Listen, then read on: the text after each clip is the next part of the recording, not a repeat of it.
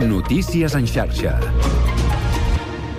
Bona tarda, són les 4, us parla Andrea Medina. El president del govern espanyol, Pedro Sánchez, i el líder del Partit Popular, Alberto Núñez Feijó, s'han trobat aquest divendres al Congrés dels Diputats en una reunió que no ha servit per apropar posicions ni per desencallar el gruix dels temes que segueixen bloquejats. Això sí, Feijó ha proposat que un mediador, la Comissió Europea, supervisi la renovació del poder judicial, una proposta que Sánchez ha acceptat. El líder del PP, a més, ha plantejat un nom, el del comissari europeu de justícia, Didier Reinders, com a mediador.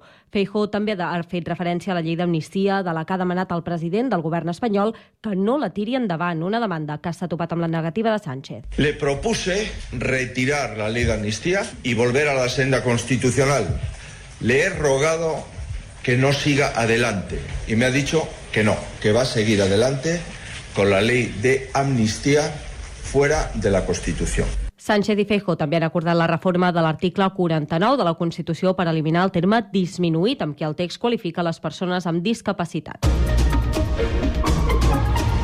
Hora de conèixer l'estat de les carreteres catalanes en aquesta operació sortida de Nadal. Contactem amb el Servei Català de Trànsit. Sílvia de Lama, bona tarda. Bona tarda des del Servei Català de Trànsit. Pel que fa als accidents a Vandellós, dir que estan tots els carrils oberts i que en el cas de l'AP7 està totalment normalitzada, encara que eh, hi ha els vehicles a l'oral i això pot provocar una mica de retenció per l'efecte tafaner. A la, en canvi, a la A7, encara que la situació millora perquè els carrils estan oberts, són 9 quilòmetres els que hi ha de retenció i a la N340 tenim problemes a l'Ametlla i Vandellós, on hi ha 3 i 6 quilòmetres eh, respectivament. En el cas de l'àrea metropolitana, mencionem les reunions que presenten molta mobilitat, estem a les portes del cap de setmana i un cap de setmana de festiu i de Nadal, problemes d'accés sud a la B de Sant Feliu Sant Joan d'Espí, a la B23 per entrar i sortir de la Diagonal s'aprecia certa mobilitat, tot i que de moment no retencions, i els accessos nord mencionar la C33 i la C58, on hi ha en aquests moments aturades. Compte perquè també presenten a punt l'antitud alguns punts del Maresme i per tant caldrà circular amb cautela. Bona tarda. Bona tarda. Per cert, que els Mossos d'Esquadra han incorporat 103 nous vehicles per la divisió de trànsit. Els nous cotxes incorporen càmeres, retransmissió en directe i lector de matrícules en temps reals. I encara en mobilitat, Renfe ha finalitzat una nova fase de les obres de millora d'accessibilitat a l'estació Mollet-Sant Fos marcades en el Pla Transformem Rodalies. Aquest divendres ha entrat en funcionament el nou vestíbul que donarà servei als viatgers de l'andana principal de la Via 2. Fins aquí les notícies en xarxa. Notícies en xarxa. 4 i 3 minuts. Comença el Connectats.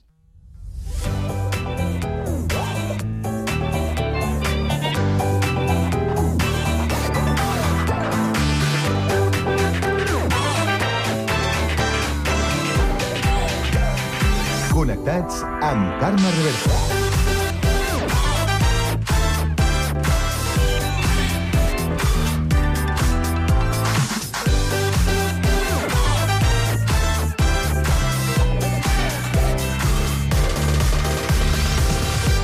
Molt bona tarda, salutacions i benvinguts a l'últim Connectats de 2023. Efectivament, és l'última entrega d'aquest any que fem amb aquest Connectats de l'àrea metropolitana de Barcelona, que, com bé sabeu, fem Ràdio Sant Cugat, Ràdio Sabadell, la Ràdio Municipal de Terrassa, el Prat Ràdio, Ràdio Ciutat de Badalona i Ràdio Castellà.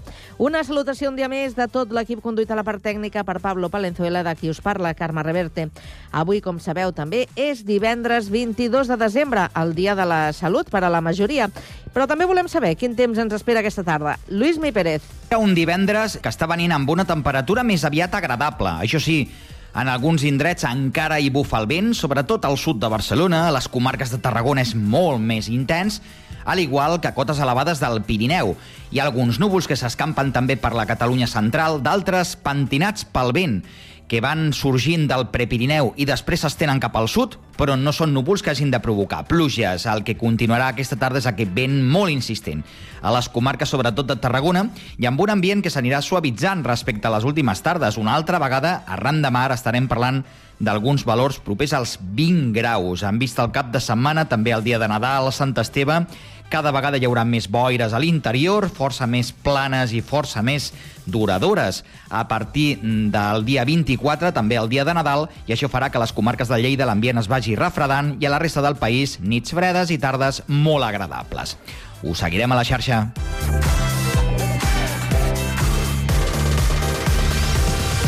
Bé, doncs en aquest últim Connectats del 2023 parlarem de les excedències. No sabem si perquè algú li ha tocat la loteria, però com a mínim s'ho podria plantejar. I ho farem amb Francisco Trujillo, professor col·laborador del grau de Relacions Laborals i dels Estudis de Dret i Ciència Política de la UOC. Acabarem aquesta primera hora amb la tertúlia generalista per debatre sobre la sort i la salut després del sorteig de la loteria de Nadal, però també de despoblament i repoblament del territori. A partir de les 5 coneixerem la castellarenca Rat Lleixà, membre de la Fundació Atendis. Continuarem amb el conte de Nadal del Connectats, a càrrec de l'equip de periodistes de les emissores del programa. I repassarem la cartellera cinematogràfica del cap de setmana, però abans de marxar de vacances, un repàs a l'agenda del Connectats. Tot això i més des d'ara i fins a les 6 de la tarda a la vostra emissora local. Connectats? Comencem. Dance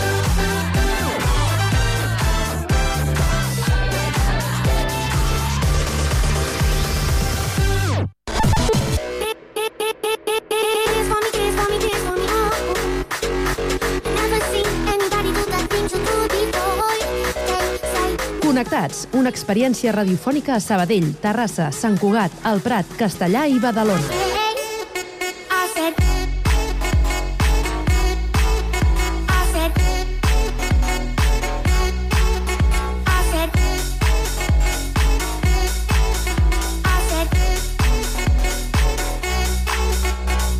Connectats amb Carme Reverte.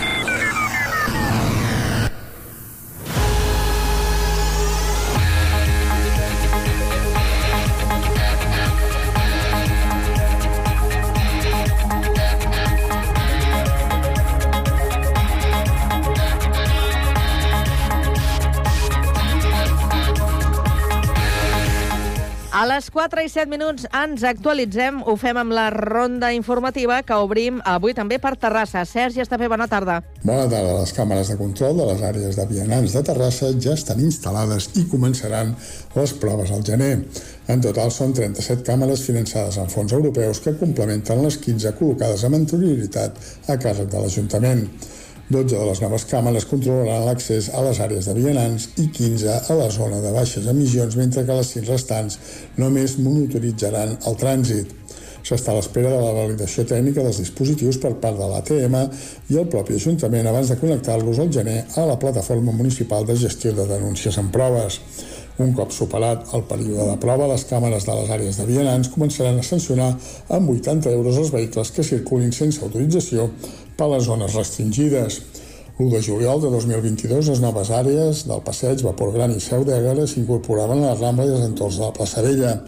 Des d'aleshores i fins al 31 d'agost d'enguany, 1.635 conductors han estat sancionats per passar-hi sense permís enxampats per la policia municipal o detectats per les càmeres que ja funcionen a la Rambla i als carrers del Castell i Joan Duc. D'aquests 129 corresponen a infraccions detectades per alguna de les 5 càmeres de la Rambla i que des del 2011 sancionen els vehicles que hi passen sense autorització. Gràcies, Sergi. Seguim ara al Vallès Occidental, a la Q Capital, a Sabadell. Avui que és notícia. Pau Duran, bona tarda. Bona tarda. El projecte del Surf City queda aturat. Així ho acaba d'anunciar el govern municipal, alegant que la situació de sequera i les condicions climàtiques actuals així ho desitgen. La decisió s'ha pres avui mateix, malgrat que la tramitació ja estava iniciada i s'havia demanat a la Generalitat de Catalunya l'avaluació del projecte. El projecte del Surf City es va presentar al març del 2022 i es trobava ara mateix en procés d'aprovació inicial del plec de clàusules prèvia a la concessió. En paral·lel, s'havia demanat a la Generalitat de Catalunya una avaluació ambiental del projecte, arran del gran nombre d'al·legacions rebudes. Tot i això, l'Ajuntament ha decidit fer marxa enrere, apuntant l'evolució de la sequera i les mesures que cal per combatre-la com el principal escull. En aquest sentit, des del consistori, recorden que la Generalitat va decretar la fase de preemergència el mes de novembre passat. A més, de cara al gener, es podria entrar en fase d'emergència, de manera que s'aplicarien noves restriccions. Gràcies, Pau. Anem fins al litoral. Des de Badalona, Andrea Romera, bona tarda. Bona tarda, Carme. El primer premi de la Loteria de Nadal cau a Badalona, on s'han repartit 8 milions d'euros. Ha estat a l'administració La Gegantona, el número 13 del carrer Canonja Baranera, al barri del centre, on s'han venut per finestreta dues sèries, és a dir, 20 butlletes premiades amb 400.000 euros cadascuna. El número premiat, el 88.008, hauria quedat molt repartit, segons la responsable de l'establiment, Mireia Solà, que ja cap al migdia havia començat a perdre la confiança en haver venut un dècim premiat. I no ha estat així, la sort li ha somrigut. L'escoltem. Molt, molt il·lusionada, molt il·lusionada, molt contenta. Una mica ja com, doncs bueno, a veure què passa. I ha sigut, doncs res, de cop i volta ha començat a sonar el telèfon per tot arreu, i sí, sí, doncs ja ens, quan ens hem enterat que havíem donat el, el, el primer premi, que ha sigut per finestreta i mm, no, no era un número bonat ni res, eh? ha sigut un número d'aquests de de, de, de venda lliure, que en diuen, jo crec que sí que haurà estat repartit. D'altra banda, més enllà del primer premi, hi ha hagut pluja de cinquens premis de la Loteria Nacional del Nadal, un d'ells a Badalona, però tres més al Barcelonès Nord, que s'han repartit un número a Santa Coloma de Gramenet i dos números a Montgat, on cau premi per tercer any consecutiu. Gràcies, Andrea. Seguim a litoral, ara una mica més al sud, al Prat de Llobregat. Lluís Rodríguez, bona tarda. Bona tarda. El ple de l'Ajuntament ha donat llum verd a l'ordenança que ha de regular la zona de baixes emissions a partir de l'any que ve i que restringirà la circulació dels vehicles més contaminants els dies laborables de dilluns a divendres entre les 7 del matí i les 8 del vespre, una mesura que, segons el consistori, afectarà un 5,5% dels cotxes i un 1,5% de les furgonetes i que entrarà en vigor un cop superi el període d'exposició pública i la resolució de possibles al·legacions. Escoltem el tinent d'alcaldia d'Acció Institucional i Projectes Urbans, Juan Pedro Pérez. Això no va de recaptar més diners ni de perjudicar a les classes treballadores. Va de la salut de tothom i d'intentar revertir la tendència a l'alça de malalties respiratòries i cancerígenes provocades per la contaminació de l'aire. D'altra banda, l'última sessió ordinària de l'any també ha aprovat, en aquest cas de forma definitiva, les ordenances fiscals que preveuen un augment generalitzat als impostos i estima algunes de les esmenes que havia presentat Esquerra Republicana, com la bonificació del 95% d'aquelles obres que tinguin un com objectiu la retirada de l'amiant dels edificis o la gratuïtat de la taxa de recollida d'animals que estiguin inscrits al cens municipal. Per últim, l'apartat de mocions ha prosperat per unanimitat la que va presentar Junts perquè l'Ajuntament insti el govern espanyol i AENA a desafectar el barri de les Palmeres en terrenys de l'ens gestor aeroportuari. Gràcies, Lluís. Tornem al Vallès i ara ens quedem a Castellà. Jaume Clapés, bona tarda. Bona tarda. A Castellà, un total de 33 comerços s'han inscrit al concurs d'aparadors de Nadal. A banda d'optar als premis que concedeix la Cambra de Comerç de Sabadell, de 500 euros per al primer classificat, 200 euros per al segon i una matrícula gratuïta als cursos de la Cambra per a l'establiment que quedi en tercer lloc, els aparadors castellarencs també opten a tres premis que atorgarà l'Ajuntament. A més, la ciutadania podrà votar el seu establiment preferit fins al 29 de desembre. El vot popular, que es fa a través de codis QR penjats als aparadors dels establiments participants, té un valor econòmic de 100 euros per al guanyador. D'altra banda, tots els ciutadans i ciutadanes que hagin participat en les votacions entraran en un sorteig de vals per valor de 100 euros que s'hauran de bescanviar en l'establiment guanyador en el transcurs dels tres mesos següents a la data de lliurament dels premis. Gràcies, Jaume. I ara acabarem aquesta ronda d'actualitat amb la crònica de Sant Cugat que ens porta Marc Castro. El quinto de Nadal arriba del 25 al 29 de desembre al pub 2 de l'ESEM de la Rambla del Celler i enguany ho fa amb novetats a Sant Cugat del Vallès. La popular activitat nadalenca, autogestionada i impulsada per Cal Temerari, té com a lema de l'edició d'enguany Ahir, avui i demà, quinto en català, on es defensarà la llengua i, a més, ha posat fil a l'agulla per amenitzar les cues que es formen per participar en el quinto i ha creat un sistema d'accés innovador. A l'entrada del recinte, els assistents agafaran número en funció de l'arribada i podran consultar el seu torn en un web que s'anirà actualitzant. D'aquesta manera, no caldrà que els santcuatencs facin cua a les portes del pavelló i es podran anar a gaudir d'altres activitats mentre arriba el seu torn. Per aquells que vulguin esperar a l'exterior del recinte, els organitzadors de la proposta habilitaran una barra amb menjar i beguda i amb música en directe. D'altra banda, els organitzadors de la proposta han remarcat que precisament gràcies a ser una activitat autogestionada han pogut esquivar les retallades. Escoltem Marc Berruezo, membre de l'organització. Crec que és important remar- remarcar que som l'única activitat autogestionada, no? Llavors això a l'Ajuntament també li ha anat bé, de dir aquests estaran i, i igualment, jo només donc el- l'espai i ja està, no? I si ens hi fixem, de les grans activitats que hi ha al Nadal som l'única que no hem caigut. I no hem caigut no perquè siguem nosaltres, perquè som l'única que és autogestionada i per l'Ajuntament no significa res. Com en la darrera edició, els organitzadors de la cita nadalenca fan una crida als comerços locals perquè hi col·laborin, ja que bona part dels premis seran canviables en establiments de la ciutat. L'any passat s'hi van adherir un centenar de comerços.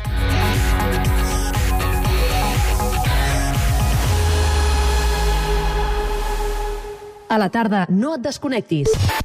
A la teva ràdio local, connectats. Can't touch this. You can't touch this.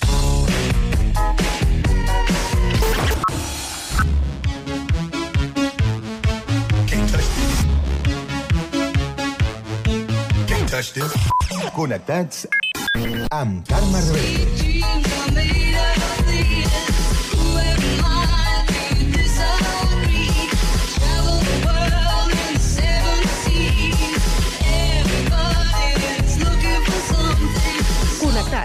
Una experiència radiofònica a Sabadell, Terrassa, Sant Cugat, El Prat, Castellà i Badalona.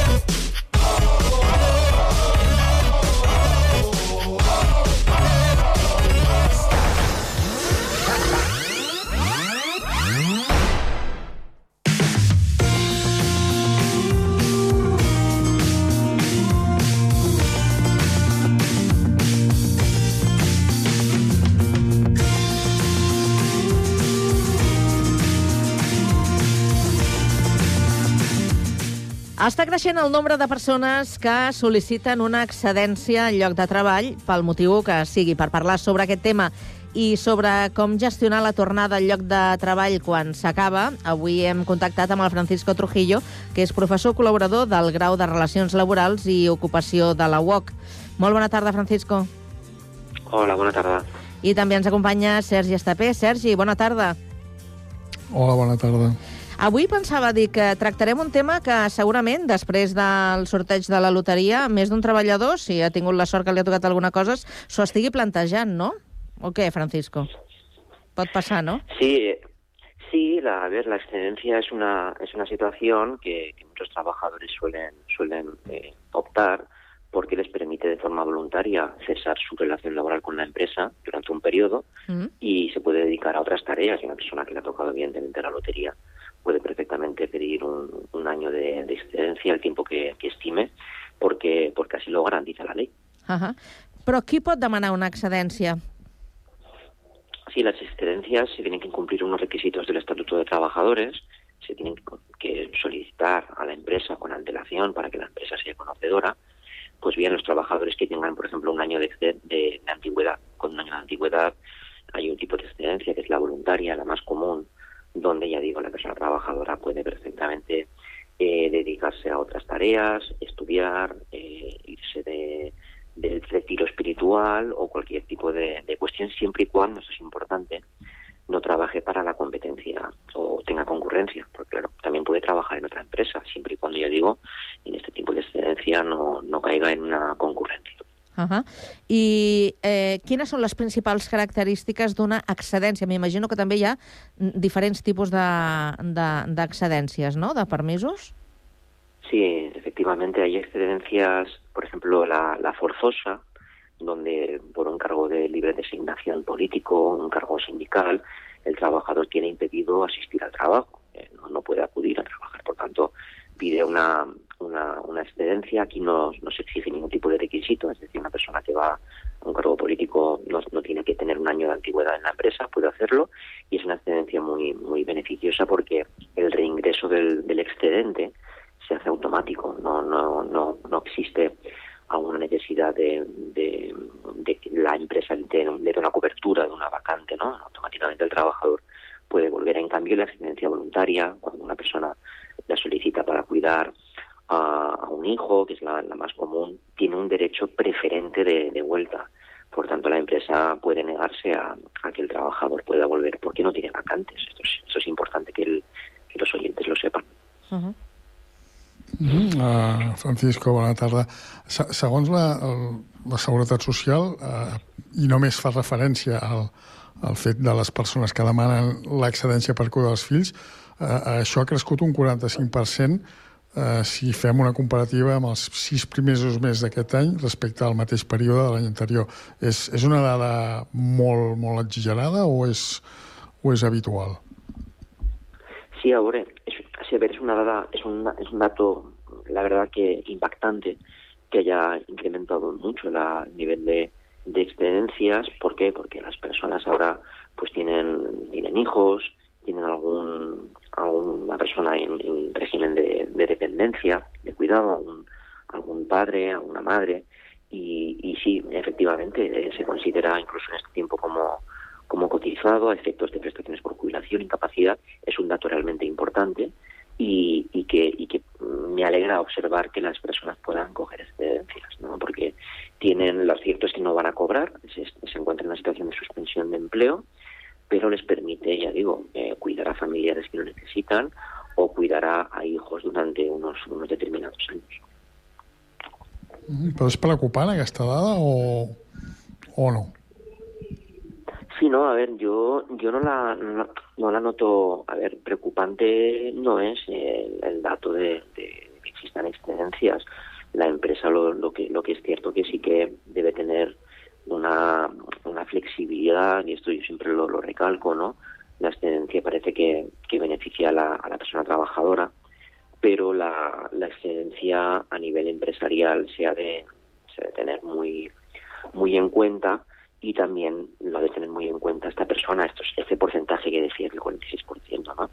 ¿Por qué? Porque muchas personas que están como excedencia consideran que cuando se le acaba el plazo ya pueden volver a trabajar y pueden encontrarse en, una situación conflictiva, ¿no? Una situación donde el trabajador eh, no trabaja de buena fe, se ha ido a la competencia, se ha ido de la empresa sin, sin alegar ningún tipo de, de causa, de consecuencia, no ha dado, por ejemplo, un plazo de preaviso.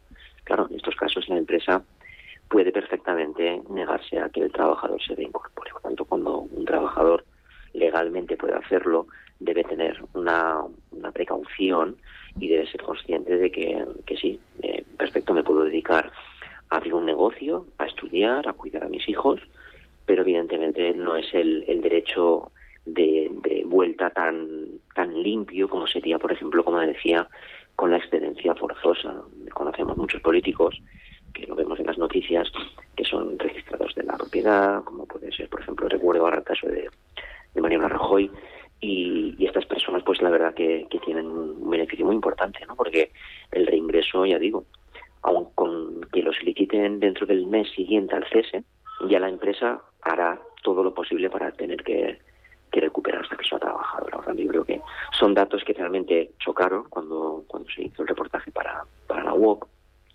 pero realmente yo creo que son datos que a mí como profesor de Derecho Laboral pues me gustan. Me gustan que las personas sepan que tienen excedencias porque en la vida no, no es todo trabajar. Alguien se puede dedicar a, a cuidados o, ya digo, o a contemplar la vida durante un año, ¿no? que, que la persona trabajadora pueda hacer.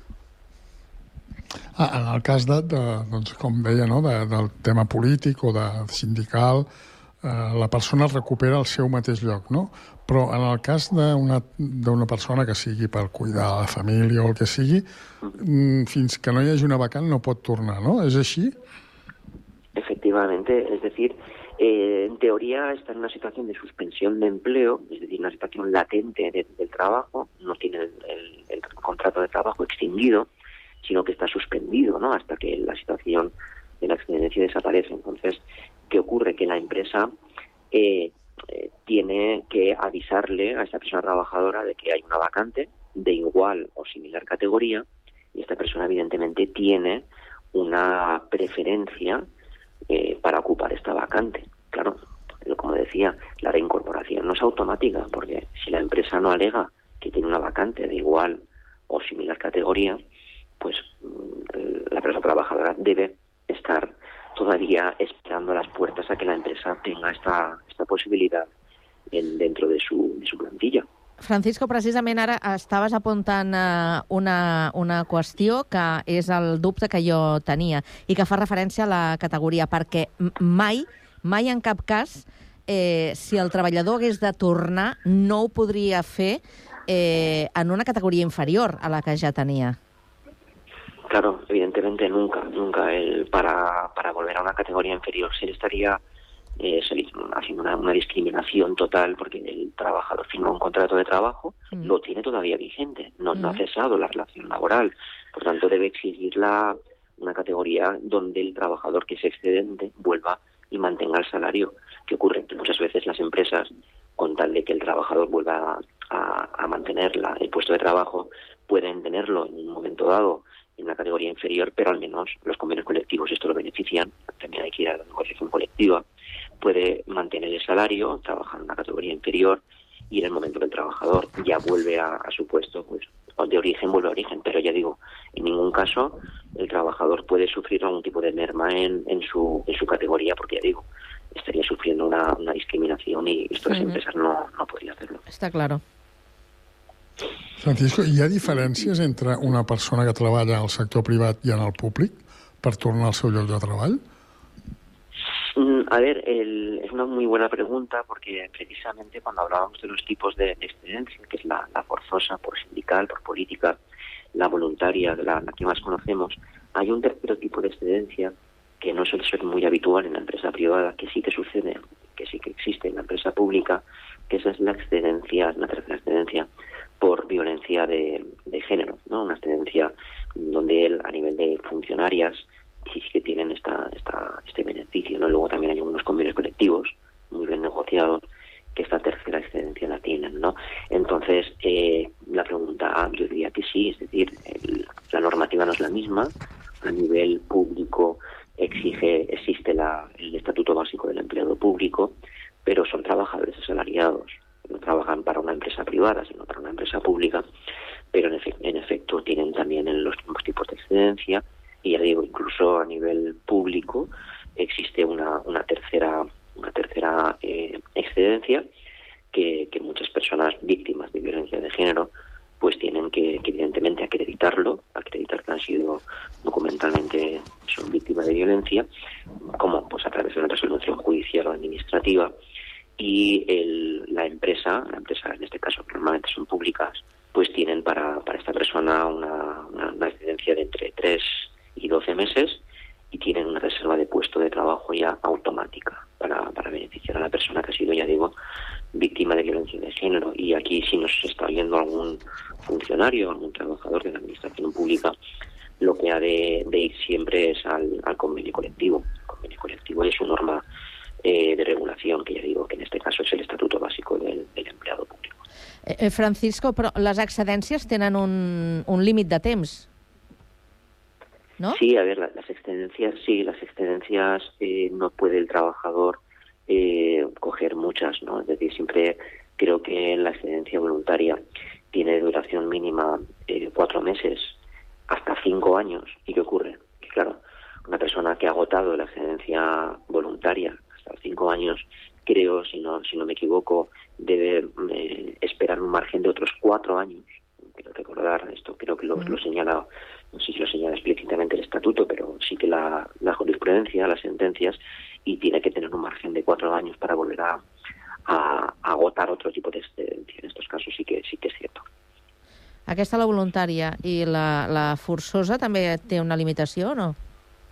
La forzosa, en cambio, yo siempre digo a los alumnos que, que es, un, es un chollo, porque realmente no hay muchos límites, no hay, no hay requisitos que se exijan al, al trabajador que, que es designado cargo público sindical, y aquí no, el trabajador tiene el límite eh, absoluto, no, no hay ningún tipo de, de límite, tampoco necesita eh, tener una experiencia en la empresa, y lo importante que la excedencia forzosa también computa efectos de antigüedad, es decir, el trabajador durante la excedencia forzosa también tiene antigüedad y, y ya digo, eh, los oyentes han de saber que, que Va triennis, forzosa- no? Dius?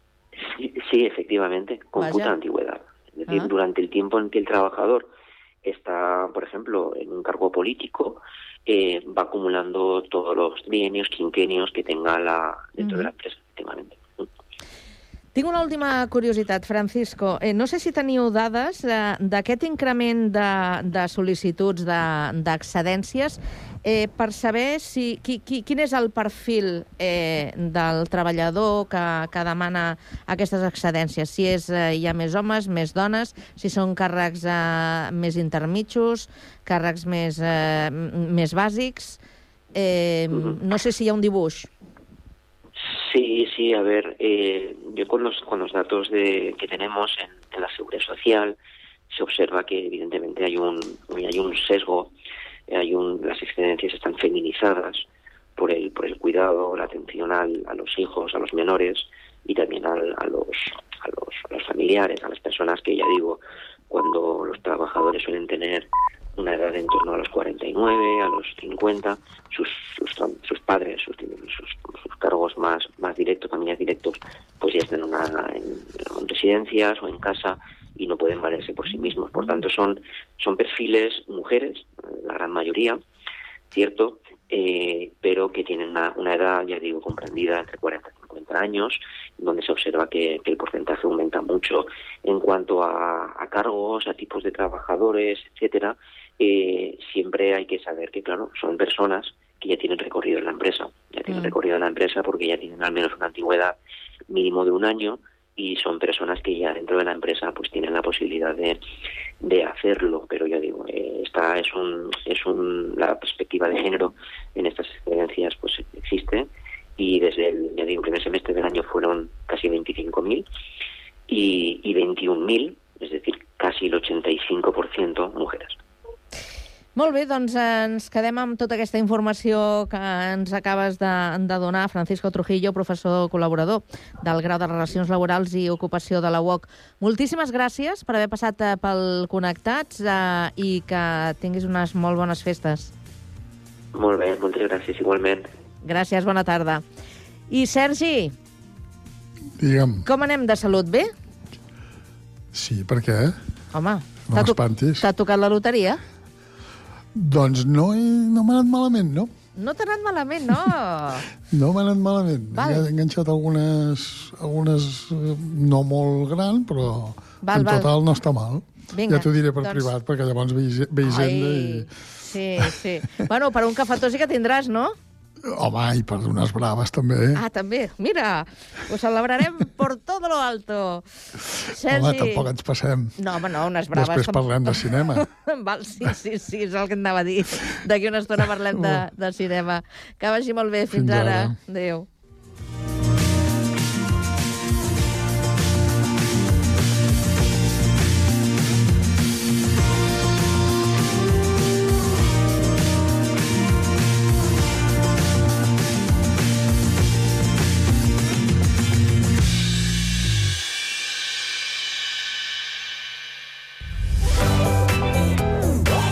Connectats. Una experiència radiofònica a Sabadell. Ràdio Sabadell, 94.6. Terrassa. Ràdio Municipal de Terrassa, 95.2. Sant Cugat. Ràdio Sant Cugat, 91.5. El Prat. El Prat Ràdio, 91.6. Castellà. Ràdio Castellà, 90.1. I Badalona. Ràdio Ciutat de Badalona, 94.4. Cada tarda de 4 a 6, connectats.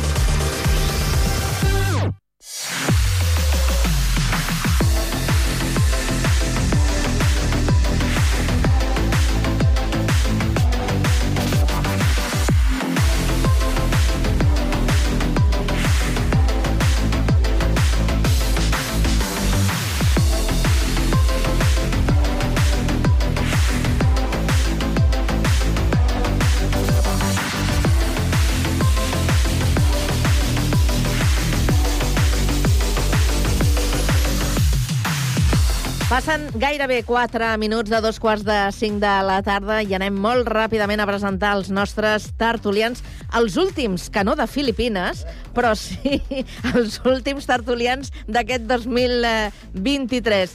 Quirze Casablanques, el tenim a, a Sabadell. Com estàs? Molt bé, molt bé. A mi no m'ha tocat la loteria de salut No. platòric. Home, Que ja està bé, no? clar, és el dia de la salut. Què més hem de Home, demanar? sí, No és el demanarem dia de més. La salut. I a Sabadell la salut és la patrona. Vull dir que Ah, i aquí a Valldoreix també, eh? A Valldoreix A Valldoreix també. també. Sí, Molt bé, molt sí, bé. sí. A qui Molt sentiu bé. també de fons és el Jordi Molgó, que també Sí. ens acompanya aquí a l'estudi de, de Sant Cugat. Salut, eh? demano, salut, salut. Salut. Això vol dir que no... Clar, i una, mica, i, i una mica de pela també, Oh, si no... però no, Home, però una mica, no Una cal mica. ser avariciós. Sí. No? Home, però una mica, una cosa és que sigui una mica i una altra que passi de llarg. Exacte, No? Sí, exacte, sí, sí. Mare meva. Anem al. Prat a veure què tal. Francesc Jalabert, membre de l'entitat Amics del Prat. Com estàs? Bona tarda. Bé. Com? Sí, també bé de salut? Bé, sí, un- amb una mica de tos, eh, per això. Una... Va. Ni salut ni loteria, per això. Home, això vol dir que estem ben fotuts. Sí, no Doncs tenim... estàs, estàs, estàs a peu de micro, vol dir que tens salut. tu. Sí, la suficient, la Si suficient. haguessis una, una disfonia gravíssima, no estaries davant d'un micro. Ai, mare meva. Bé, doncs uh, m'encanta, eh, aquest bon estat d'ànim després Home. de saber que no ens ha tocat res. És el dia de la salut. Ja, ja, ja, per això. Ja, ja, ja ho hem dit. Eh, Sí. però, escolta, jugàveu... No, Havíeu fet una, una inversió allò no, perquè toqués o no? No, no, No? massa, no. No, no. Jo, jo em sembla que vam jugar a casa, hem jugat 5 o 6 dècims o alguna cosa així. No, no... No, No, no em trauríem de pobre. No? no. I, i, I, Quirze, tu acostumes a jugar o no? Si fa, no fa... No, no acostumo a jugar. Ara per Nadal, si fa Home, no per fa, Nadal sí, que ha és dit, que crec que ha sigut el Jordi que ha dit que havia Sí. sí. comprat uns quants dècims, doncs... Però, més que res, eh, en el meu cas, és que eh, la meva cunyada, eh, elles dues, dues germanetes, dius, goita, tu en compres un aquí, i jo en compro un allà, i en compro un per tu, i tu en compres un per mi. Vull dir, clar, I els compartim. Ja està, vull dir. Sí, tot, però tot plegat és això, eh? Vull dir, llavors, eh, quan ve aquest dia i et dones compte que no t'ha que no t'ha tocat res, evidentment constates que estàs passat moltíssim on vas llançar els calés d'aquesta manera. Sí, Tot sí. això és broma. eh? Perquè, bé, escolta, vull dir, tentem la sort una vegada a l'any per aquestes festes de Nadal. S'ha de ja provar, Oh, perquè si no, no toca, no? Déu-n'hi-do per això el que ha caigut a Catalunya, eh? Sí, però jo diria que tampoc no s'ha Sí. recuperat gaire. No, Eh, però, fa- bueno, Déu-n'hi-do. El Francesc juga o no? Jo no sóc gens de loteria i no tinc ni un dècim, tinc un parell de participacions d'aquestes de quedar bé que no pots dir que no, Mm. i, i ja està. O sigui que no aspirava a guanyar gran cosa en el cas de que toqués. I, I jo em pregunto, de la grossa de, de Cap d'Any, algú en té? Sí? Jordi, tu en tens? Sí, vam comprar un, un parell. Sí. Un parell. I el Quirze? D'això la resposta ha de ser nominativa, que no. Jo no n'he comprat cap. No, no jo No, ho dic, no ho dic per allò de contrastar, perquè, mm, o sigui, ja posats a jugar, ja, ja Mm. sabem que hi ha gent que no juga, que només juga per aquesta època, no?, per, per Nadal, però posats a jugar, eh, què preferim? Per què optem? Per la de Nadal, que és l'estatal, o optem per la catalana? O Jo- com és loteria no optem per cap de les dues? No, però, a, a veure, eh, eh, és estatal, però és tradicional, també. Sí. Clar. O sigui, quan, quan era petit, ja, el, el dia d'avui ja sentia, per Ràdio Sabadell, evidentment, connectat Sí. amb Ràdio Nacional d'Espanya, sentia la cantarella dels nens de Sant Ildefonso cantant, cantant Eh. el tema. Les, els nens, que llavors les nenes no cantaven No. res, eh? No, però vull dir, per això la fa tradicional i dius, bueno, doncs, doncs sí.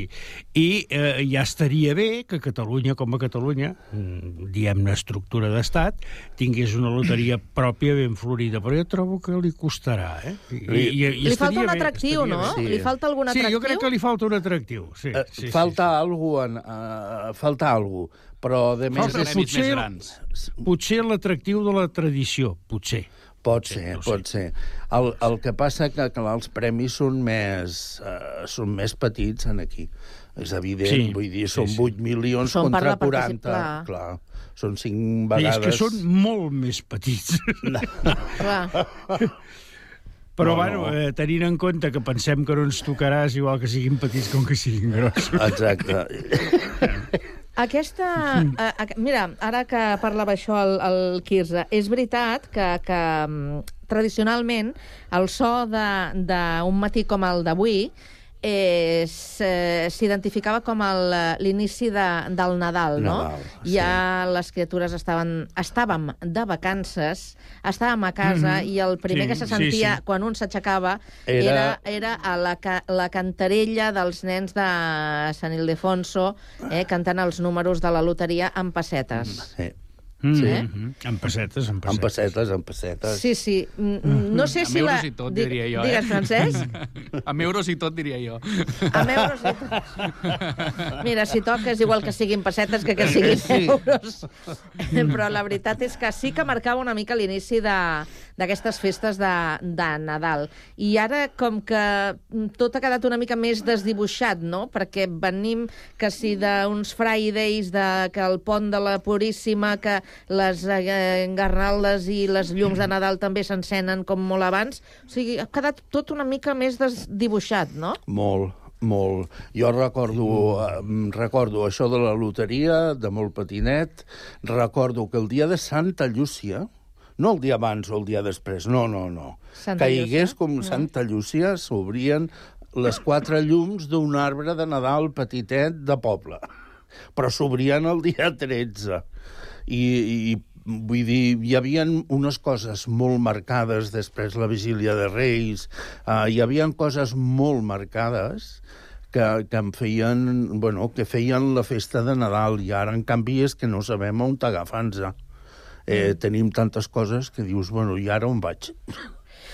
Bé, la Sí, veritat... és, digues, és, sí. digues. I El, el fet és que això, que, que, que aquest costum nadalenc es dilueix, i es dilueix amb un líquid dissolvent no massa agradable, que és aquell afany de consumisme Exacte. que, bueno, tampoc. Exacte. Eh, agradable, mm, aviam, parlo per mi, eh? Vull dir, cadascú pot opinar com, com li sembli, però eh, agradar-me a mi no m'agrada, aquest afany de consumisme, de que després del Black Friday i ara ve el pont de la Puríssima Sí. i has d'anar a esquiar, i encara que no hi hagi neu, has d'anar a esquiar, És igual. saps? I, i, llavors, i llavors venen festes de Nadal, i, i, i, i per Nadal el, el, el tió, el Pare Noel, els Reis, i, i gasta, i gasta, i gasta. I, jo, a mi m'atabala, la veritat. A mi Però jo sí que tinc la sensació que, que enguany potser el Black Friday ha estat una mica més fluix, no?, que altres anys. Sí, jo també Bueno, tinc aquesta llavors sensació també... personal, eh? Jo, jo, jo, vaig, jo vaig entrar a una botiga i em vaig equivocar moltíssim, perquè vaig pensar, no, això no em fotràs mai més cas. O sigui que so, so, um, Black Friday, 60% de descompte. I entro perquè jo volia regalar-li a la meva senyora una cosa que li podia anar bé, una que hi havia a l'aparador. I resulta que aquella no es feia ni el 60% ni el 0%. El Black Friday, segons què? O sigui, el que no aconseguim Clar. vendre ni a tiros. Sí. No? Ah, llavors, doncs no em prengueu el pèl, sisplau. Em sembla que ens ha passat una meva mica a es va quedar tots. sense regal, eh? Sí, ja, sí. Ens ha passat una mica a tots, eh? En, Ja, el, els sí, primers suposo. anys allò de dir, a veure si és veritat, a veure... I mm. a poc a poc la gent se desilusiona, tira enrere, torna a fer el que feia. Jo Ah, no sé esclar. com acabarà. Home, i, i s'ha sabut que moltes botigues havien Fraus. inflat, inflat preus els dies Ah. abans eh, i tot, vull dir, al final, sí, sí. Sí, sí, es nota. Una, una broma, vaja. Mira, això, um, um, um, aquesta tarda m'hi arribaré, aquesta botiga, a veure si aquella peça la continuen tenint al al preu de Black Friday o... o, o a veure, a veure, a veure com a contrapartida què se'ls ha acudit fer. ara. Saps, saps quan, quan la podries trobar millor de preu? Quan passin festes. Ara hi ha un Sí, risc sí, esclar. que no hi sigui. Exacte. Que no hi sigui, clar. Sí, sí. Que no hi hagi la talla. Que això acostuma... Exacte, També. no hi hagi la talla. Però això ja són rebaixes, això ja ho reconeixem sí. com a tal. Home, però ja que es fan Sí. rebaixes, aprofitem-les. Exacte, però si no hi ha la talla que tu busques, dius, mira, això rebaixes. Però Saps? ara Però fins i tot abans- les rebaixes s'han quedat desdibuixades. També. Exacte. Sí, També. Sí, abans Perquè era també molt rebaixes. tradicional, no?, que I- després de Reis i- i- començaven sí. les rebaixes i era un esdeveniment. I ara també està com diluït, també. Us recordeu les corredisses del Corte Inglés, que les van Sí, arribar a sí, donar hasta en directe per la televisió? No, no, no en directe, primera notícia. Primera notícia. O sigui, I eren primera les 9, notícia. o a l'hora que obrís, i hi havia unes corredisses i que no podia entrar la gent per la porta. I en aquestes imatges sempre es veia una mateixa persona, eh? Sí, No sé si, no sé si feia cua per entrar Per entrar a la primera, o o els guanyava el jornal, vés a saber. Per cert, que eh, hi ha un informe, això sortia aquesta, aquesta setmana, un informe del Banc de- d'Espanya, de, que apunta mm. que aquelles zones on han caigut eh, premis eh, estimula l'activitat econòmica, però no només a, a, a veure, a la persona que li toca, evidentment, ha estimulat del tot, no? Però a la zona, al, al, al territori, com que la gent és com més optimista, com que no té tan, eh, tan, tanta, tanta recança a l'hora de, o, o, o d'invertir, o de gastar, o de fer, Sí. vull dir que hi ha, que hi ha com una certa alegria Sí. que convida... L'alegria s'encomana. Sí. Sí, exacte. Sí? exacte. Ho penseu, que això... Jo, sí, i tant, del tot. Jo, jo crec que sí, vaja. I quan el lloc més petit és, diguem, a veure, no és el mateix a un poblet que a Manresa, no és el mateix a Sabadell eh, que a Terrassa. Va. Home, tampoc no és el mateix Gra- gràcies, Sant Cugat eh? que Rubí, no? Exacte. Exacte, no és el mateix. Ja posats. I jo Mm. crec que va per aquí els tiros. El que passa que, bueno, l'ànim s'apega i és molt Encomanadís, no? encomanadís, i tant, i tant. Doncs a veure, no sé, mira, enguany, Portem- per portem- la zona de Granollers eh, ha caigut un bon pessic. I a Badalona... A, a Badalona, a Salt... Mm, sí. Per aquí a Rubí ha caigut alguna cosa. Un, Mm. Molt poquet, em sembla. No sé si part d'un cinquè. Eh, però vaja, que res... El Prat es- també part d'un cinquè, em sembla que han dit. A- El Prat també, part d'un cinquè? Mira, és que... Sí, jo diria que també. Sí, em sona ara. Jo... Llàstima, perquè teníem una llista de coses a fer, si ens hagués tocat, no? Ah, sí, sí, no, no.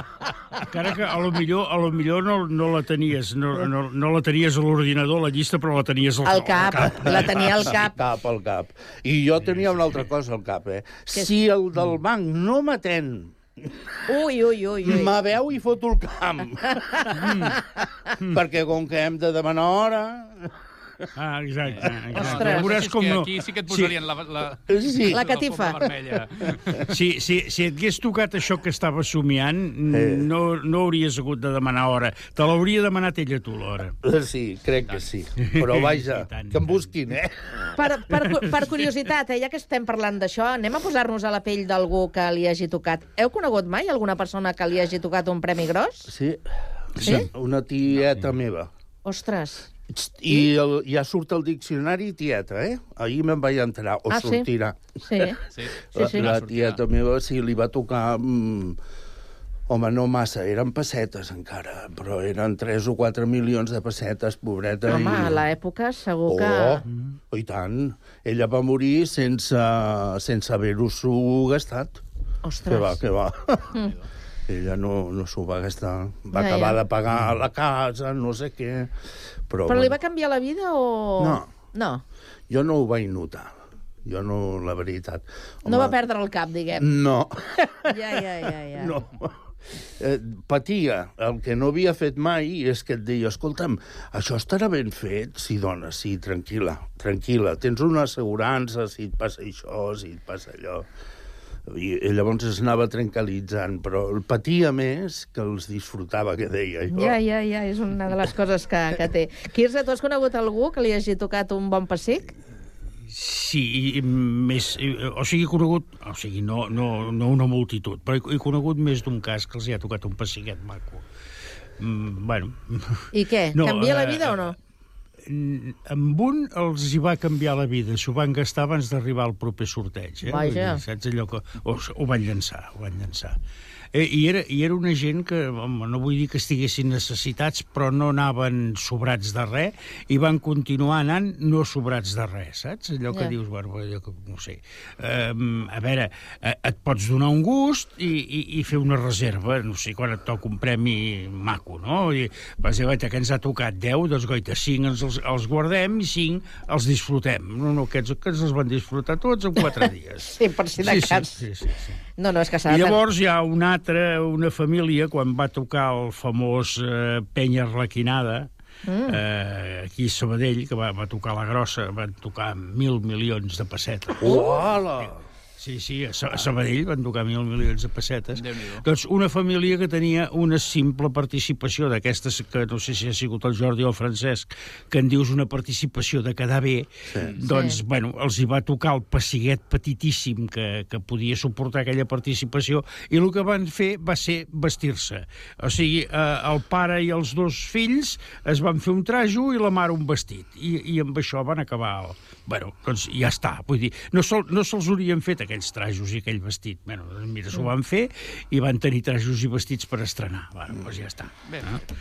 De, de, o sigui, mm, com que aquestes coses, eh, com tot, són relatives, doncs mira, en aquest cas hi va haver-hi això. I els altres, que sí que els hi va tocar el que se'n diu una morterada, Mhm. doncs aquells s'ho van rebentar de mala manera i, escolta, i no... Bueno, doncs mira, cadascú... Ja, ja, ja, però clar, és que, que s'ha- pensi i faci. s'ha de posar cap, s'ha de posar cap. Francesc, que tu Sí, has tingut, exacte, exacte. has tingut algun conegut? No, que jo sàpiga, no. No? Però sí que és veritat això que diuen, no? Que allò que, que entra molt ràpid, no? Aquests diners que entren amb molta facilitat, moltes vegades se'n van amb la mateixa velocitat que han entrat i n'hi ha Mhm. que acaben pitjor que estaven, fins i tot. Mm. Bé, doncs, res, continuarem imaginant què hauria passat, no? si, si, ens hagués, si ens hagués tocat alguna cosa. Jo us dic una cosa, jo hauria vingut igual, eh, a fer programa. Jo també. Ara, m'ho Ah, hagués sí. passat bé després. Ah, eh? M'ho això és una altra. M'ho hagués passat bé. I tant, i tant, i tant. Eh, eh, aprofitem els últims minuts, ara ja canviem de, de tema, per eh, parlar del que serà l'Estatut de Municipis Rurals. Que això és un treball que està preparant el, el govern de la Generalitat i que eh, bueno, el tindrà a punt perquè s'ho puguin, puguin mirar i la previsió és que el Parlament ho pugui aprovar a finals de 2024 i que entri en funcionament el 2025. Això va de despoblament i repoblació. És a dir, aquells territoris eh, rurals que ja hem parlat moltes vegades que la gent eh, marxa, doncs es tracta de donar incentius perquè al final eh, la gent no, no només no marxi, sinó que algú hi, hi vingui no? a formar part de, de, de la població. Eh, no sé, a vosaltres eh, eh, aquests anuncis que, que, us, que us semblen? Home, a, a, mi, que jo sóc de poble i, bueno, estic en contacte amb ells i tal, a mi em sembla una gran notícia per ells. Perquè, per lo que jo sé, eh, uh, és una llei que va sortir del Parlament, però el Parlament no se l'ha fet ell. Ha anat a buscar la gent de, dels pobles, del món rural, de la pagesia, de i dona la sensació de que podria arribar a ser una llei de baix a dalt. Dona la sensació. I la gent que jo conec eh, del poble, pues, jo diria, jo m'a- m'atreviria a dir que estan uh, com il·lusionats. No ho expliquen, eh, els punyeteros, perquè... No sigui, no sigui que cas el que es tirin enrere. sí, sí. Però, però sí, sembla que sí. El que passa que al mateix temps jo també detecto que hi ha un problema que mm, aquí no s'ha tocat. Ah. Uh, I és la, la renovació generacional. O sigui, el que és pagès o el que és... Uh, uh, porta una granja de vedells o el que sigui, no, no, no tenen el, el, El suport necessari. no. I falten diners i la gent viu molt Aquesta és la clau. ajustada Sí, aquesta és la i clau. no, no s'acaba de sortir d'aquest embrollo. Vinga, més, digues, més opinions. Uh, Quirze i Francesc. Eh, mira, a mi, a mi en principi, i, i en certa manera mm, trepitjo una mica el que ha dit el Jordi en positiu, em refereixo, eh? Uh -huh. O sigui, una cosa que m'agrada és que es posen eines sí. en mans dels municipis. Exacte. És que l'altre, eh, o sigui, l'administració té aquestes mesures per aplicar, eh, eh, aviam, administracions que són Generalitat, Diputacions, això em para molt lluny del poble, a mi. En canvi, l'Ajuntament és el poble. Vull dir, a mi això m'esperança, em dóna esperança, que les eines les tingui l'Ajuntament.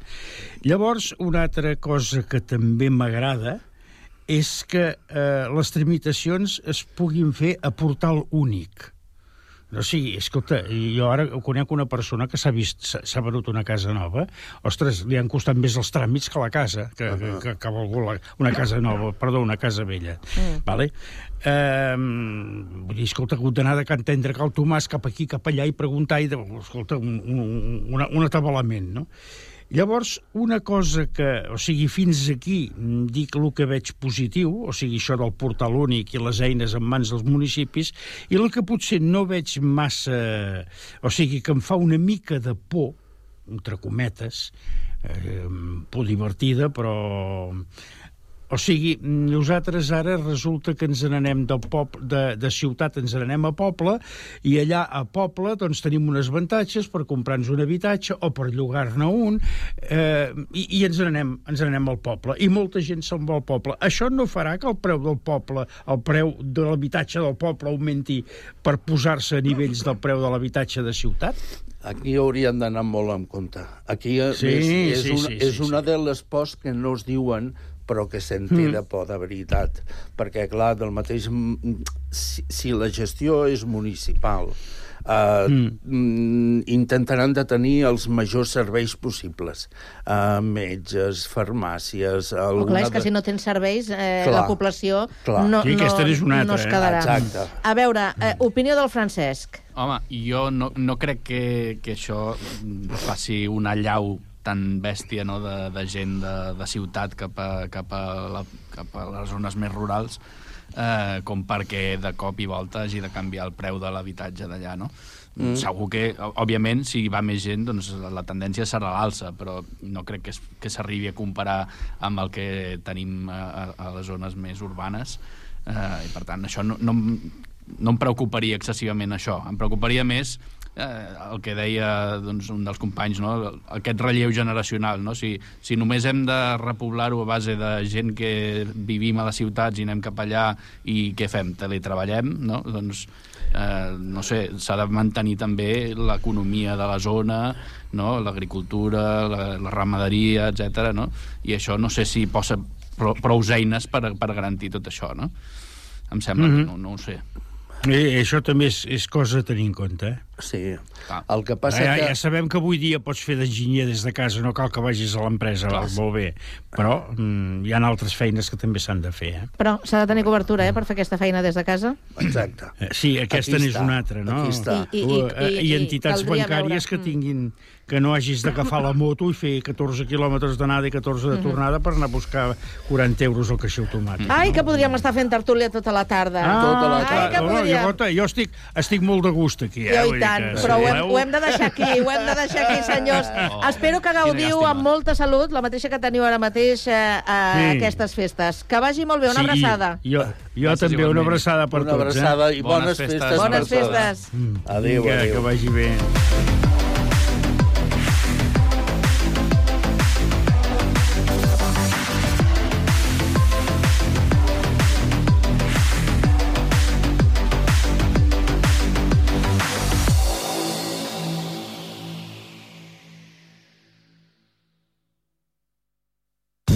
Mateix ser els integrants del millor grup de la història que ser el millor grup de la història. Per això, el grup català Occident serem Occident, perquè per continuar assegurant-ho tot, tot i tot, ens havíem d'ajuntar tots, tots i tots. Entra a seremoccident.cat. Ja tens Sant Cugat a la butxaca? La targeta de punts de més de 80 botigues de Sant Cugat. Si no és així, sol·licita-la a les botigues adherides i aconsegueix un munt d'avantatges. Descomptes, obsequis, promocions especials, barrets de la nit en blanc i... No ens podem allargar tant. Consulta www.santcugatalabutxaca.cat. Ara també utilitza la teva targeta al Mercat de Torreblanca. Ràdio Sant Cugat. www.cugat.cat